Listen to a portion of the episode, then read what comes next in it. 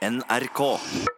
Sædkvaliteten synker dramatisk i vestlige land. De siste 40 årene har sædkvaliteten til unge menn i Europa og USA blitt mer enn halvert. Noe som er virkelig skremmende. Sjokkerende, sier forskere. Og Morten Munkvik, hva er din reaksjon?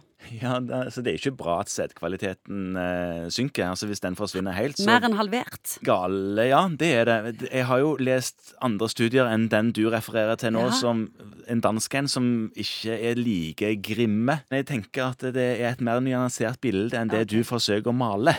Men vi kan godt følge din hest, altså. Nei, og- jeg vil høre hva du tenker om dette. jo, det jeg tenker om det er at det er udiskutabelt at sædkvaliteten synker, og det er et problem. Fordi etter hvert så vil man jo da havne i et samfunn, her i vestlig, hvor man har problemer med å få forplanta seg På normalt vis. Ja, på normalt vis.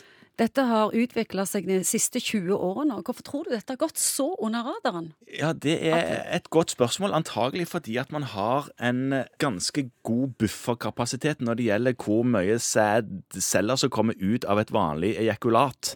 Sånn at man overkompenserer jo dramatisk til hvor mye som trengs for å befrukte en kvinne. I en vanlig ejakulat så er det en 3-4-5 milliliter eh, væske som kommer, og i den eh, væsken så er det ca. 300 noe sånt millioner sædceller.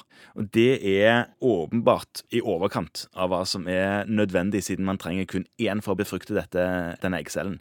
Sånn at det, det skal synke en ganske betydelig del før man begynner å få problemer med fertiliteten i samfunnet, i befolkningen.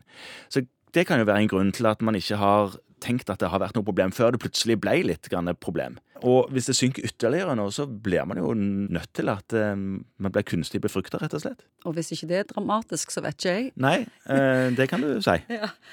Hva er årsaken? Ja, noen ganger så er det jo medisiner som folk bruker som gjør at man reduserer sædkvaliteten. Kreftmedisiner og sånne ting som det kan gjøre det.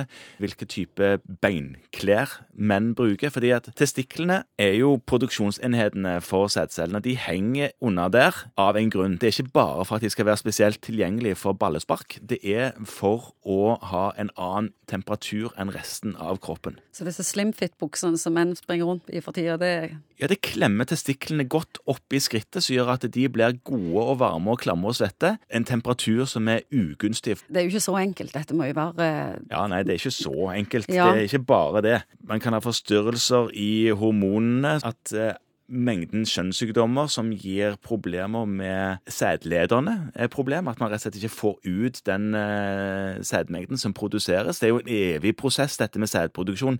Det stopper jo ikke opp. Det holder jo på hele veien, det. Men Blir det gjort noe med dette nå?